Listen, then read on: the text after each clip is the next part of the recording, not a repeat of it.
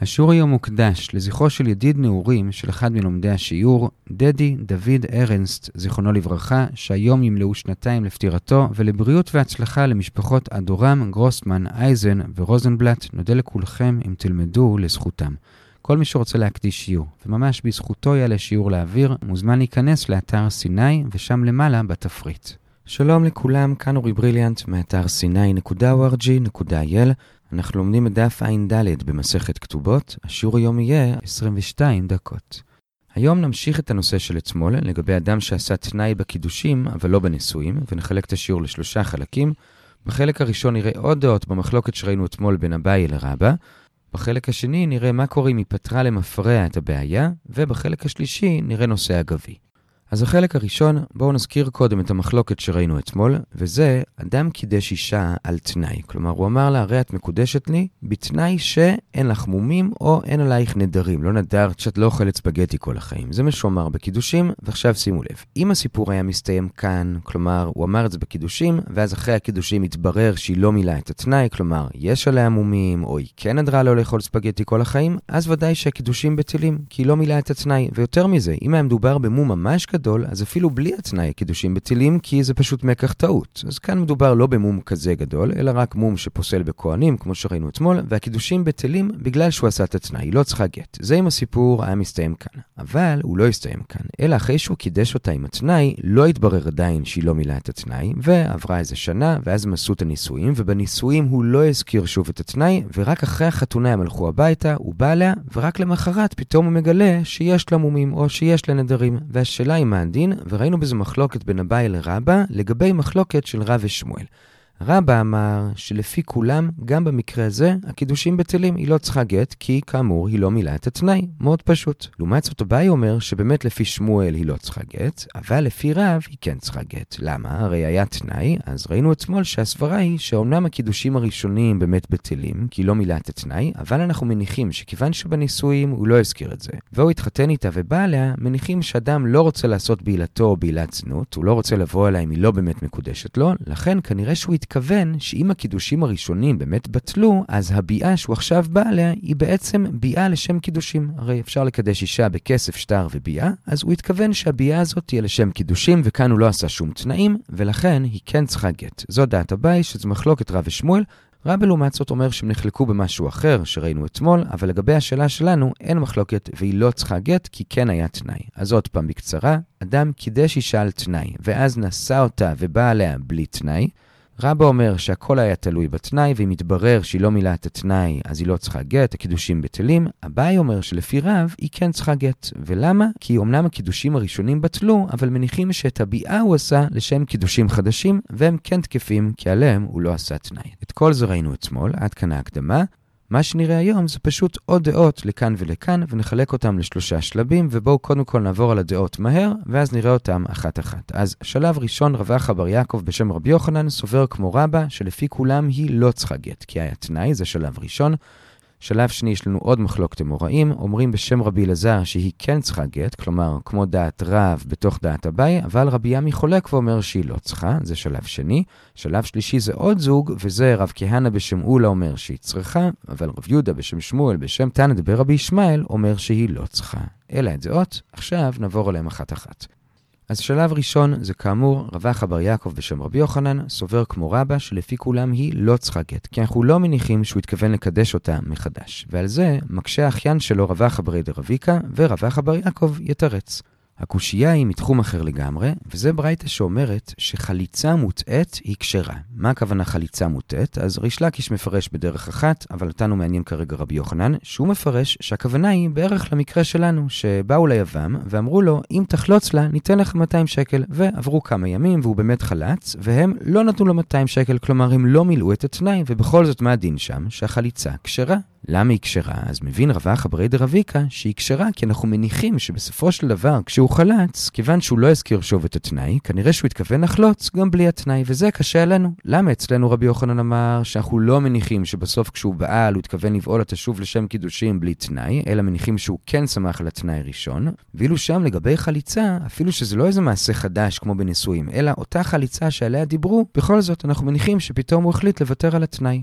עד כאן הקושייה של רבח ברי דרביקה, ועל זה עונה דוד שלו, רבח בר יעקב, זה לא קשה, כי לא הבנת שם נכון את הדין של רבי יוחנן. כשרבי יוחנן אמר שהחליצה שם כשרה, זה לא בגלל שאנחנו מניחים שהוא ויתר על התנאי, הוא לא ויתר על התנאי, אלא למה החליצה כשרה? זה פשוט כי בחליצה אי אפשר לעשות תנאי. למה? כי לא על כל מעשה אתה יכול לעשות תנאים. על קידושין, על ביאה לשם קידושים אפשר לעשות תנאים, אבל על חליצה אי אפשר לעשות תנאים. לכן רבי יוחנן הכשיר שם, וזה לא בגלל שהוא מניח שהוא ויתר על התנאי, וגם כאן לא מניחים שהוא ויתר על התנאי. עד כאן התירוץ. עכשיו, בסוגריים רק נעיר למה בחליצה אי אפשר לעשות תנאים, ואילו בקידושים למשל אפשר. אז הגמרא אומרת שזה תלוי האם זה מעשה שאפשר לבצע אותו על ידי שליח או לא. כי הרי את כל המושג של תנאי אנחנו לומדים מתנאי בני גד ובני ראובן, ושם חלוקת הארץ זה דבר שאפשר לעשות על ידי שליח. ממילא, קידושים, גיטין, שאפשר לעשות על ידי שליח, אפשר גם לעשות תנאים. חליצה שאי אפשר לעשות על ידי שליח, אז גם אי אפשר לעשות תנאים. זה מה שכתוב בגמרא. עכשיו, מה הסברה של זה? מי שלא רוצה להתבלבל אפשר לא להקשיב לדקה הקרובה. בכל אופן, מסבירים במסורת של בריסק שהעניין הזה של השליחות זה לא הסיבה למה אפשר לעשות תנאי, אלא זה רק הסימן למה אפשר לעשות תנאי. כלומר, באיזה דבר אפשר לעשות תנאי? רק במעשה שהעיקר בו הוא לא עצם המעשה הפיזי, אלא הגמירות דעת שלי, והמעשה הפיזי הוא רק בשביל ליצור את אותה גמירות דעת, להראות שאני באמת רוצה את זה, שזה נכון לגבי קניינים, גיטין, קידושין, ובדברים אלו אנחנו רואים שבאמת גם אפשר לעשות על ידי שליח, כי הרי העיקר זה לא המעשה הפיזי שלי, אלא הגמירות דעת, ואת המעשה הפיזי גם שליח יכול לעשות בשבילי. לעומת זאת, במעשים שהעיקר זה המעשה הפיזי שלי, אז בזה אני לא יכול למנות שליח, כי השליח לא יכול להחליף את הגוף שלי, כמו בחליצה, וממילא גם תנאים אני לא יכול לעשות, כי תנאים אפשר לעשות על הגמירות דעת, ולא על המעשה הפיזי. זה היה ההסבר בסוגריים, ובכל אופן, עד כאן השלב הראשון. שוב בקצרה, רבי יוחנן אמר אצלנו שהיא לא מקודשת והיא לא צריכה גט, כי אנחנו לא מניחים שבעל התכוון בביאה לקדש אותה מחדש בלי התנאי. הקשינו על זה מחליצה ששם כן מתעלמים מהתנאי, וענינו, שם זה לא כי מניחים שהוא התכוון לוותר על התנאי, אלא פשוט כי בחליצה אין דבר כזה תנאים, כי בכל דבר שאי אפשר לעשות לו שליח, גם אי אפשר לעשות לו תנאים, ועד כאן השלב הראשון. השלב השני, בשליש התחתון של עמוד א', זה עוד שתי דעות. רבי אלעזר מצד אחד אומר שהיא כן צריכה גט, כלומר, כמו רב בדעת אביי, כי כן מניחים שהוא התכוון לקדש אותה מחדש בביאה, ואילו רבי עמי אומר שלא, כי לא מניחים כמו דעת רבה. אלה הדעות, ונעיר עליהם שתי הערות. הערה אחת, זה ששימו לב שרבי אלעזר פה הוא יותר מחודש מאביי. כי אביי, כשהוא אמר שהיא גט כי מניחים שהוא התכוון לקדש אותה מחדש בביאה, הוא אמר את זה רק בדעת רב. לעומת זאת, רבי אלעזר אומר שזה לדברי הכל, כלומר גם לדעת שמואל. כך לפי הגרסה שלנו. יש אגב כאלה שלא גורסים את המילים לדברי הכל, ואז באמת כמו אביי. בכל אופן, זאת הערה אחת. הערה שנייה, כשרבי אלעזר אמר שהיא צריכה גט, כי מניחים שהוא התכוון לקדש אותה מחדש, הוא אמר את זה לא רק על המקרה שאנחנו מדברים עליו, לגבי תנאי שלא התקיים, אלא גם לגבי עוד שני מקרים, וזה שהוא קידש אישה בפחות משווה פרוטה, או שהוא קידש אותה במלווה, שזה שני דברים שלא מקדשים אותה. גם כאן מניחים שבסוף כשהוא בא אליה, כיוון שהוא יודע שהקידושים לא היו טובים, מן הסתם הוא התכוון לקדש אותה מחדש בביאה. זה היה רבי אלעזר. רבי עמי, שחלק עליו, אז הוא חלק עליו, כמו שאמרנו, גם לגבי תנאי, והוא גם חלק עליו לגבי מלווה, אבל לגבי כשהוא קידש אותה בפחות משווה פרוטה, בזה הוא דווקא הסכים לרבי אלעזר, שכאן ברור שכולם יודעים שאי אפשר לקדש אישה בפחות משווה פרוטה, וכאן, מן הסתם, הוא באמת כן התכוון לקדש אותה מחדש בביאה, והיא תצטרך גט. עד כאן השלב השני, רבי אלעזר ורבי עמי. השלב השלישי זה עוד שתי דעות, וכאן אין מה לומר עליהם כל כך. רב כהנא בשם אולה אומר שהיא צריכה גט, אבל רב יהודה מביא בשם שמואל ברייתא של רבי ישמעאל, שאומר שהיא לא צריכה גט. הוא קורא לזה בברייתא קידושי טעות. עד כאן השלב השלישי, ועד כאן החלק הראשון של השיעור. ראינו עוד דעות לכאן ולכאן במחלוקת שראינו אתמול בין אביי לרבה. החלק השני, בשורה הראשונה בעמוד ב', תנו רבנן, זה ברייתא לגבי מה קורה אם אישה באמת לא מילאה את התנאי, כלומר הוא קידש אותה על מנת שאין לה מומים או שאין לה נדרים, וכן היו עליה, וגילו את זה מיד אחרי הקידושים, כך שהיא לא אמורה להיות מקודשת, כי היא לא מילאה את התנאי, אבל אחרי זה היא הלכה ופתרה את הבעיה. איך היא פתרה את הבעיה? היא הלכה לרופא שריפא את המומים, הלכה לחכם שהתיר את הנדר, מה הדין? אז אומרת הברייתא, יש הבדל בין מומים לבין נדר. לגבי המומים זה לא יעזור, כי יפה מאוד שעכשיו אין לה מומים, אבל בשעת הקידושים כן היו לה. אי אפשר לתקן את זה למפרע, והתנאי לא בוצע, ולכן היא לא מקודשת. לעומת זאת, לגבי הנדר, יש סתירה בין שתי ברייתות. הברייתא הראשונה אומרת שלגבי הנדר זה כן יעזור, הברייתא השנייה אומרת שלא. למה כן ולמה לא? אז למה כן מסבירה ברייתא כי בניגוד לרפואה, התרת הנדר נעשית לא מכאן ולהבא, אלא היא נעשית למפרע. אז בעצם מתברר שלמפרע כבר בשעת הקידושים לא היה לה שום נדר, וממילא היא מילאה את התנאי והיא מקודשת. זה ברייתא א'. לעומת זאת, ברייתא ב', כאמור אומרת שלא. עכשיו, הסברנו יפה למה כן, אז עכשיו קשה על ברייתא ב', למה לא? ולזה הגמרא מביאה שני הסברים. הסבר אחד זה של רבא, שימו לב, כתוב כאן רבא, אבל באמת זה רבא, זה בשליש העליון של עמוד ב'. הסבר שני של רבא, זה אם נעשה דילוג די גדול לשורה העשירית של הדף הבא, של ע"ה עמוד א'. אלה שני הסברים, ויש משהו די משותף בשני הסברים, וזה ששניהם מבינים שלפי ברייתא ב', כשאדם אמר הרי את מקודשת לי על מנת שאין עלייך נדרים, הוא לא התכוון רק לדבר הזה, שאין עליה כרגע נדרים בפועל, אלא הוא התכוון למשהו קצת יותר רחב מזה. למה הוא התכוון? אז בואו נראה אותם אחד-אחד. אז ההסבר הראשון זה של רבא, שהוא אומר שברייתא ב' אומרת שהיא לא מקודשת, בגלל שכשאדם אמר על מנת שאין עלייך נדרים, הוא כאמור התכוון ליותר מזה. למה הוא התכוון? הוא התכוון לא רק שאין עליה נדרים בפועל, אלא הוא גם התכוון על מנת שאין עליה נדרים כרגע שהיא תצטרך ללכת ולהתיר אותם בבייטין. גם את זה הוא לא רצה, אפילו שכביכול זה יפתור את הבעיה, למפרע כבר אין עליה נדרים, אבל גם את התהליך עצמו של ההתרה, גם את זה הוא לא רצה וגם את זה הוא הכניס לתנאי. ולמה הוא לא רצה את זה? כי מבחינתו זה ביזיון שאישה הולכת לבייטין להתיר את הנדר, הוא לא רוצה שהיא תעבור את הביזיון הזה, גם את זה הוא הכניס לנדר. זה ההסבר של רבא לברייתא ב', לעומת זאת ברייתא א', שאומרת שהיא מקודשת, מבינה שלבעל לא כל כך אכפת מהעניין הזה, זה לא כזה ביזיון מבחינתו, ולכן הוא לא התכוון לזה, אלא הוא פשוט התכוון שאין עליה נדרים, וכיוון שלמפרע אין עליה נדרים, אז היא מקודשת. זה רבא, ושימו לב שהוא לא אומר את זה סתם כסברה מעצמו, אלא הוא אומר שזה בעצם מחלוקת תנאים שמצאנו בהקשר אחר בין רבי אליעזר לרבי מאיר, שלפי רבי אליעזר אדם לא רוצה שאשתו תתבזה בבית דין, לפי רבי מאיר לא אכפת לו, ועוד מעט בחלק השלישי, בנספח, אנחנו נראה איפה מצאנו את המחלוקת הזאת ביניהם. בכל אופן, עד כאן ההסבר של רבא. בשביל ההסבר של רבא, כאמור נעשה דילוג, אנחנו כרגע באמצע עמוד ב', נקפוץ עכשיו לשורה העשירית בדף הבא, וגם רבא, כאמור, נותן הסבר די דומה. כלומר, גם לדעתו, כשברייתא ב' אומרת שהיא לא מקודשת, זה בגלל שכשהאדם עשה תנאי שאין עליה נדרים, הוא התכוון קצת יותר מזה. למה הוא התכוון? אומר רבא, הוא התכוון לא רק שאין עליה נדרים בפועל, אלא הוא גם התכוון שהיא לא אישה נדרנית. אז זה שהיא הלכה אחרי זה והתירה, זה לא עוזר, היא עדיין אישה נדרנית. עכשיו תגידו, מה אכפת לו? הרי אם בפועל בסוף היא ביטלה את הנדר למפרע, עליה, וגם אם היא תדור בעתיד, גם כן היא תוכל להתיר, אז מה אכפת לך כל כך? למה אתה לחוץ להכניס את זה כבר עכשיו לתנאי של הקידושין? מקסימום תגלה שהיא אישה נדרנית, תגרש אותה. אלא שמסבירה ושברייתא ב' מדברת על אישה חשובה, כלומר, אישה ממשפחה חשובה, ואישה כזאת, הבעל לא רוצה לגרש, אלא אם כבר, הוא מעדיף לעקור את הקידושים למפרע, כי הרי אם היא ממשפחה חשובה, אז אם איתה בסוף הוא לא יחיה, אז לפחות שיקבל את אחותה, את אימא שלה, וממילא אם הוא יגרש אותה, אז הוא ייאסר בקרובות שלה, לכן הוא לא רוצה לגרש אותה בעתיד, אלא הוא מעדיף, אם הוא מגלה שאישה נדרנית, לעקור את הכל למפרע, וכך הוא לא ייאסר על הקרובות משפחה שלה, והוא יוכל למשל להתחתן עם אחותה. לכן, לפי רבא, לפי ברייתא ב', הוא הכניס את זה כבר בתנאי הראשוני, שאם הוא מגלה שאישה נדרנית, הכל יהיה בטל למפרע, זה ברייתא ב'. לעומת זאת, ברייתא א', מדברת על אישה ממשפחה לא חשובה, ולגביה זה לא קריטי להכניס את זה כבר לתנאי של הקידושין, מקסימום הוא יגלה שהיא נדרנית, הוא יגרש אותה, אין לו עניין להתחתן אחרי זה עם אחותה או עם אימא שלה, ולכן שם היא כן מקודשת, כי הוא לא הכניס את העניין הזה שהיא לא נדרנית לתנאי הבסיסי. זה ההסבר של רבא, ברייתא ב' שהיא לא מקודשת. זה באישה חשובה ולכן הוא הכניס את זה לתנאי הבסיסי שהיא לא אישה נדרנית. ברייתא א' באישה לא חשובה. עכשיו, בסוגריים שואלת הגמרא על רבא לגבי ברייתא ב' שהיא לא מקודשת, לפי זה למה ברייתא ממשיכה ואומרת שבמקרה הפוך, כלומר שהתנאי לא היה על זה שלאישה אין נדרים, אלא על זה שלבעל אין נדרים, ואז התברר שלבעל יש נדרים, אז אם הוא לא ביטל אותם, אז באמת היא לא מקודשת, כי היא לא רצתה בעל עם נדרים, אבל אם הוא ביטל אותם למפרע, כאן אומרת הברייתא שהיא כן מקודשת. אז למה כשזה על האישה זה לא עוזר לבטל למפרע? כי היא ממשפחה חשובה והבעל לא רוצה אישה נדרנית, ואילו במקרה הפוך, שהאישה מגלה שהבעל הוא נדרן, היא בכל זאת כן מקודשת. הרי גם היא לא רוצה בעל נדרן ממשפחה חשובה, הרי אולי גם היא רוצה להתחתן עם אח שלו, היא לא רוצה להיאסר. זו השאלה, ועל זה עונה הגמרא, אל תשווה בין איש לאישה. האיש יותר בררן, ולכן הוא מקפיד שהאישה לא תהיה נדרנית. האישה פחות קריטי לה, העיקר שהיא תתחתן, ואפילו הם עשו על זה תנאי שאין לה בעל נדרים, אם בסוף הוא תיקן אותם למפרע, זה מספיק לה, והיא לא תפסול אותו בגלל שהתברר שהוא אדם נדרן, והגמרא מביאה כמה פתגמים על הדבר הזה, שהאישה היא פחות בררנית. הפתגם הראשון הוא הכי מוכר, אומר ריש לקיש, תב למיטב תן דו מלמיטב ארמלו, עדיף לשבת בשניים מלחיות כמו אלמנה, כלומר מלהיות לבד, והגמרא מביאה עוד כמה פתגמים דומים. אביי אומר למשל שגם אם הבעל הוא אדם קטן ופשוט כמו נמלה, דשום שמנה גברא,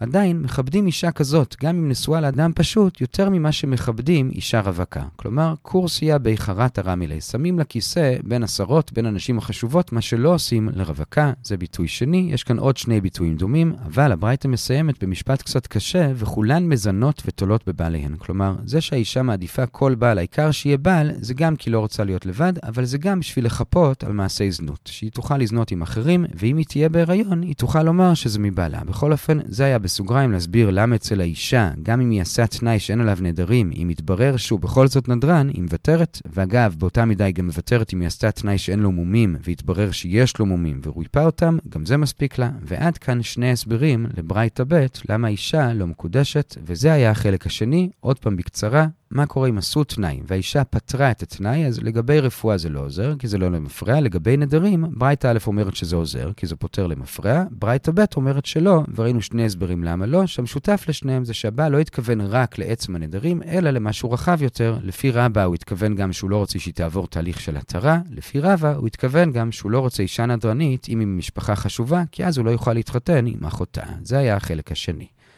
החלק השלישי זה סוג של נספח. הזכרנו מקודם שיש מחלוקת בין רבי מאיר לרבי אליעזר, האם אדם רוצה שאשתו תתבזה בבית דין להתיר נדרים? לפי רבי אליעזר הוא לא רוצה, לפי רבי מאיר לא אכפת לו. עכשיו, איפה מצאנו את המחלוקת הזאת? מצאנו אותה בהקשר אחר לגמרי, לא לגבי תנאין בקידושין, אלא לגבי רצונות בגירושין. כלומר, אומרת המשנה בגיטין, שאדם שמגרש את אשתו בגלל שהיא נדרנית, וזה מעצבן אותו, אז חז"ל תיקנו שאם הוא מגרש אותה בגלל זה, הוא לא יוכל אחרי זה להתחרט ולהחזיר אותה. למה לא? אז הגמרא שמביאה שתי סיבות. סיבה אחת זה שמא יקלקלנה, סיבה שנייה זה קנס. כלומר, סיבה אחת שמא יקלקלנה, זה שבאופן כללי יש חשש שאם אדם מגרש את אשתו, ואז היא תלך ותתחתן עם מישהו אחר, הוא יקנא ויתחרט ויגיד, בעצם לא רציתי לגרש אותה. עכשיו, סתם ככה, אם הוא מגרש אותה כי הוא סתם לא אהב אותה, אז אין מה לעשות, הוא לא יכול להתחרט. הוא גירש אותה כבר. אבל אם הוא גירש אותה בגלל נדרים, אנחנו חוששים שהוא יבוא ויאמר, תקשיבו, אני לא ידעתי שאפשר להתיר נדרים. אם הייתי יודע, לא הייתי מגרש אותה. ואם הוא יאמר משפט כזה, אנחנו חוששים שבעצם אולי כל הגירושים היו גירושי טעות והם בטלים למפרע, וזה יקלקל לאישה את החיים, כי היא הרי כבר התחתנה עם מישהו אחר, כבר נולדו להם ילדים, ועכשיו בעצם אנחנו מבטלים לה את כל הגט למפרע, הילדים החדשים שלה יהיו ממזרים. אנחנו לא רוצים להגיע למצב כזה, ולכן, בעל שמגרש את אשתו בגלל נדרים, אנחנו מבהירים לו, תדע לך שזה זה בלי חרטות. אנחנו מתקנים תקנה שלעולם לא תוכל להחזיר אותה חזרה. כך שלעולם לא תוכל לומר, רגע, לא ידעתי, אני רוצה אותה בחזרה.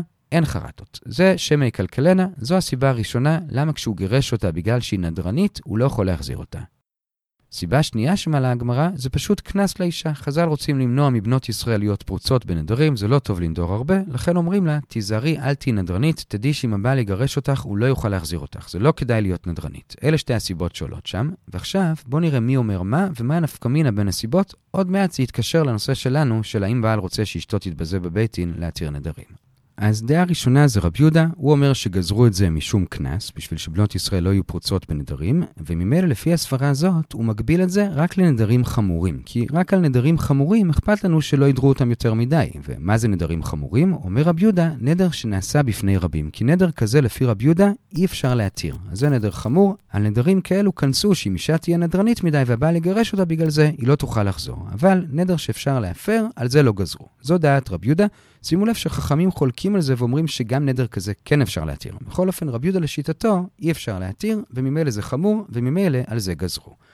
לעומת זאת, רבי מאיר ורבי אליעזר אומרים שהסיבה זה לא הקנס, אלא שמא יקלקל. כלומר, כמו שאמרנו, שמא הבעל יתחרט ויגיד, אם הייתי יודע שאפשר להתיר את הנדר, לא הייתי מגרש אותה. עכשיו, לפי הסיבה הזאת, ברור שכבר אנחנו רואים נפקא מינה בינם לבין רבי יהודה. כי רבי יהודה אמר שהגזרה היא דווקא בנדר שאי אפשר להתיר, כי רק זה נדר חמור. לעומת זאת, לדעתם, כל הסיבה של הגזרה זה דווקא כי זה נדר שאפשר להתיר. ועל זה חוששים שהוא יגיד, אם הייתי יודע שאפשר להתיר, לא הייתי מגרש. אבל בנדר שאי אפשר להתיר, אם לדעתם יש בכלל דבר כזה, כי אולי הם סוברים כמו חכמים שאין דבר כזה. בכל אופן, גם אם יש דבר כזה, בזה ודאי שלדעתם לא גוזרים, כי הוא לא יוכל לטעון אם הייתי יודע שאפשר להתיר, כי באמת אי אפשר להתיר. אז שוב, כל הגזרה לדעתם זה רק בנדר שאפשר להתיר, וחוששים שהבעל יגיד אם הייתי יודע שאפשר להתיר, לא הייתי מגרש. אז זה מה שמשותף לרבי מאיר ולרבי אליעזר, אבל עדיין, גם בתוך העולם של נדרים שאפשר להתיר, יש שני סוגים. יש נדרים שהבעל עצמו יכול להפר לאשתו, זה אם זה נדר שקשור לנושאים בינו לבינה, או דברים שמינוי נפש, כמו שנדרה לו לשתות יין, את זה הבעל עצמו יכול להפר,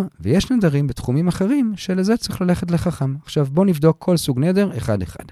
אז לגבי נדרים שהבעל עצמו יכול להפר, כאן יש מחלוקת פשוטה בין רבי מאיר לרבי אליעזר, האם ההנחה שלנו זה שכולם יודעים את זה. כלומר, רבי מאיר אומר, כולם יודעים שהוא יכול להפר. ממילא כאן, אם הבעל יטען יום אחד, לא ידעתי, אם הייתי יודע, לא הייתי מגרש, אנחנו לא מאמינים לו, בטח שידעת. וממילא, כאן לא חוששים לטענה שלו, ועל זה לא גזרו. לעומת זאת, רבי אליעזר אומר, יכול להיות שבאמת הוא לא ידע, לא כולם יודעים, וממילא עדיין יש את החשש שהוא יטען את זה, וכן גזרו. זה לגבי נדרים שהבעל עצמו יכול להפר.